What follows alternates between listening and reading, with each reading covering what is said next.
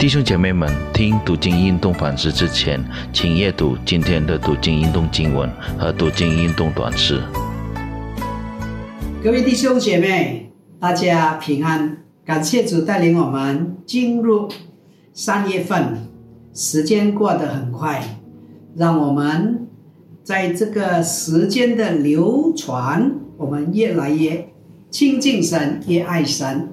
我们今天的。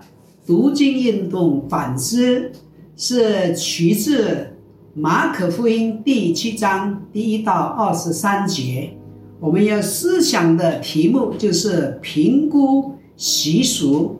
在还没有思想之前，我们再次低头，我们进入祷告。天父上帝，我们感谢你，给我们机会来学习神的话语，给我们渴慕的心。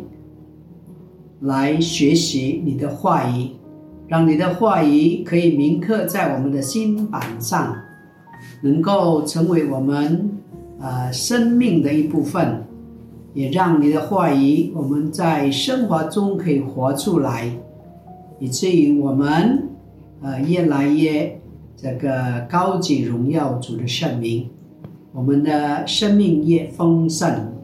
我们能够成为主耶稣真正的门徒，求神带领赐福。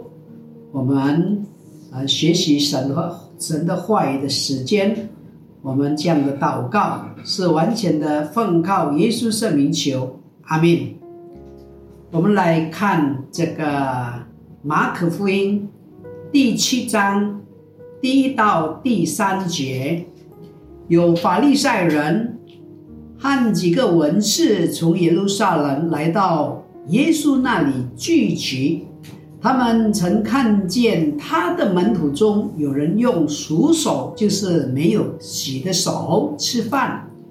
原来法利赛人和犹太人都遵守古人的遗传，若不仔细洗手，就不吃饭。亲爱的弟兄姐妹。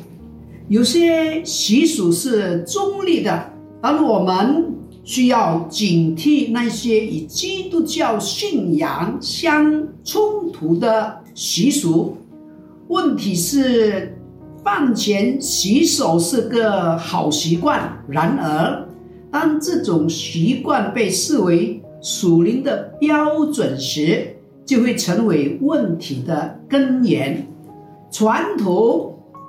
在这个希腊文就是 paradosis，一座遗传。这个词在马可福音共出现了五次，都是在马可福音第七章第三到十三节里。当中所指的洗手是犹太人的洁净传统，与卫生完全无关。这个洗手的传啊，这个传统啊，大概在耶稣时期已经，呃，被宽泛认同和持守。我们要从呃两个大段来这个分享。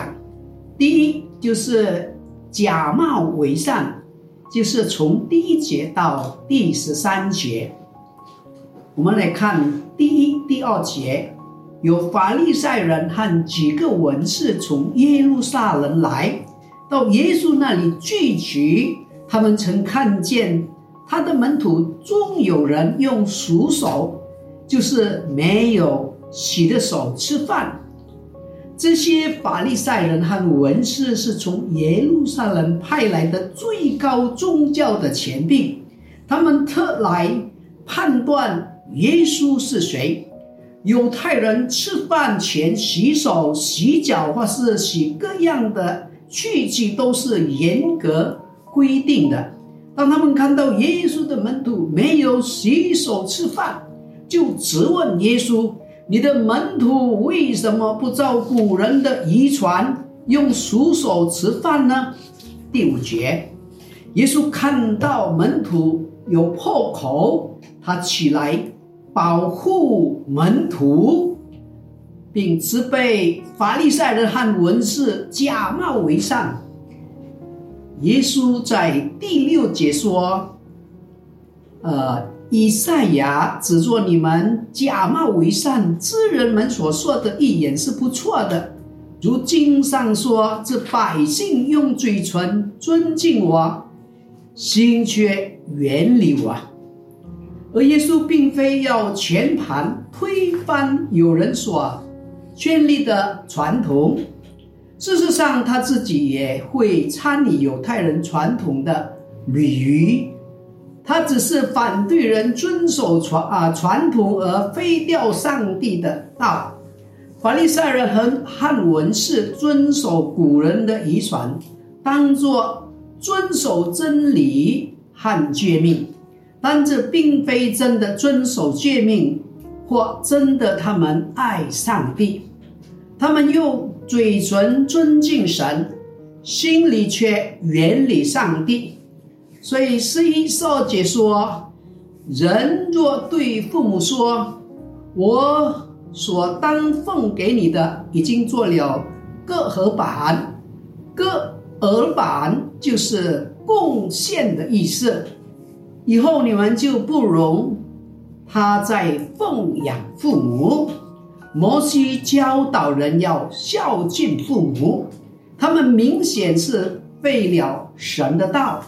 在第七节说，他们将人的吩咐将当作道理教导人，所以拜我也是枉然。我们看第二点，心存恶念。从十四节到二十三节，门徒这时候仍然软弱，不明白耶稣说的：“呃，从外面进去的不能误会人，唯有从里面出来的乃能误会人。”第十五节，于是耶稣解释在，呃，解释说：“岂不晓得反从外面进入的？”不能误会人，因为不是入他的心，乃是入他的肚腹，又落到毛刺里。这是说各样的食物都是绝境的，又说从人里面出来的，呃，那人能，那才能误会人，因为从里面就是从人心里发出的恶念，苟合。偷盗、凶杀、奸淫、贪婪、血恶、邪恶、诡诈、淫荡、嫉妒、绑毒、骄傲、狂妄。耶稣其实在责备法利赛人和文士，他们说门徒不洗手、不洁净，但他们口里尊敬神，心里却远离上帝。他们来见耶稣，好像是来听主耶稣的教导，其实心存着恶念，要捉住主耶稣的把柄，攻击耶稣，这才是真正的误会。亲爱的弟兄姐妹，在第二十一到二十二节列出了少种的由心里发出的恶念。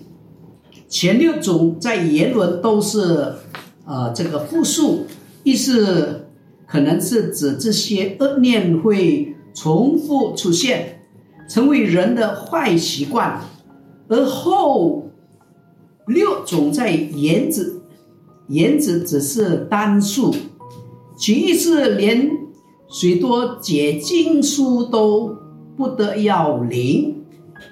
这十二种恶。可能是指人处于这些恶念的状态里，而不一定是一个呃实实数。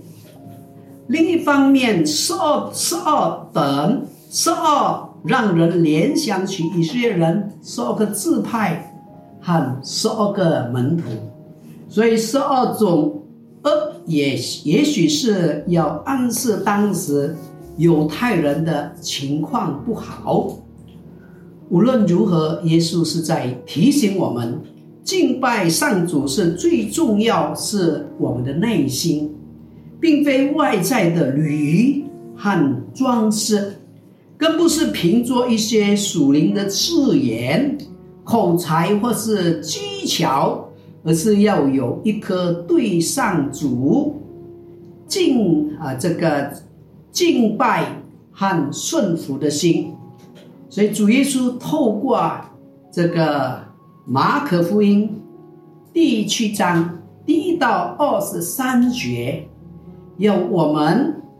用我们的心来敬拜神，来亲近神，也是同时要我们评估这个习俗跟神的话语哪一个更重，哪一个更轻。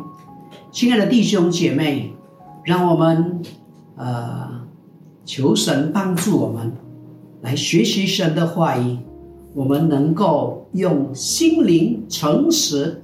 来学习，来敬拜神，愿神赐福他的话语，也祝福弟兄姐妹。我们再一次低头，我们进入祷告。天父上帝，我们谢谢你，我们可以再一次透过马可福音第七章第一到二十三节学习，呃，主耶稣的真理，就是呃教导法利赛人和文士，让他们来。亲近神，不是带着其他的这个动机目的，也是要他们，呃，用真诚的心来学习神的话语，来这个聆听神的话语，也不也不要，也不是要用这个习俗来捆绑人，远离上帝。求神你帮助我们。能够带着谦卑受教的心来亲近神，来敬拜神。你垂听我们在你面前的祷告，是完完全全奉靠耶稣圣名求。阿门。愿神赐福弟兄姐妹，再见。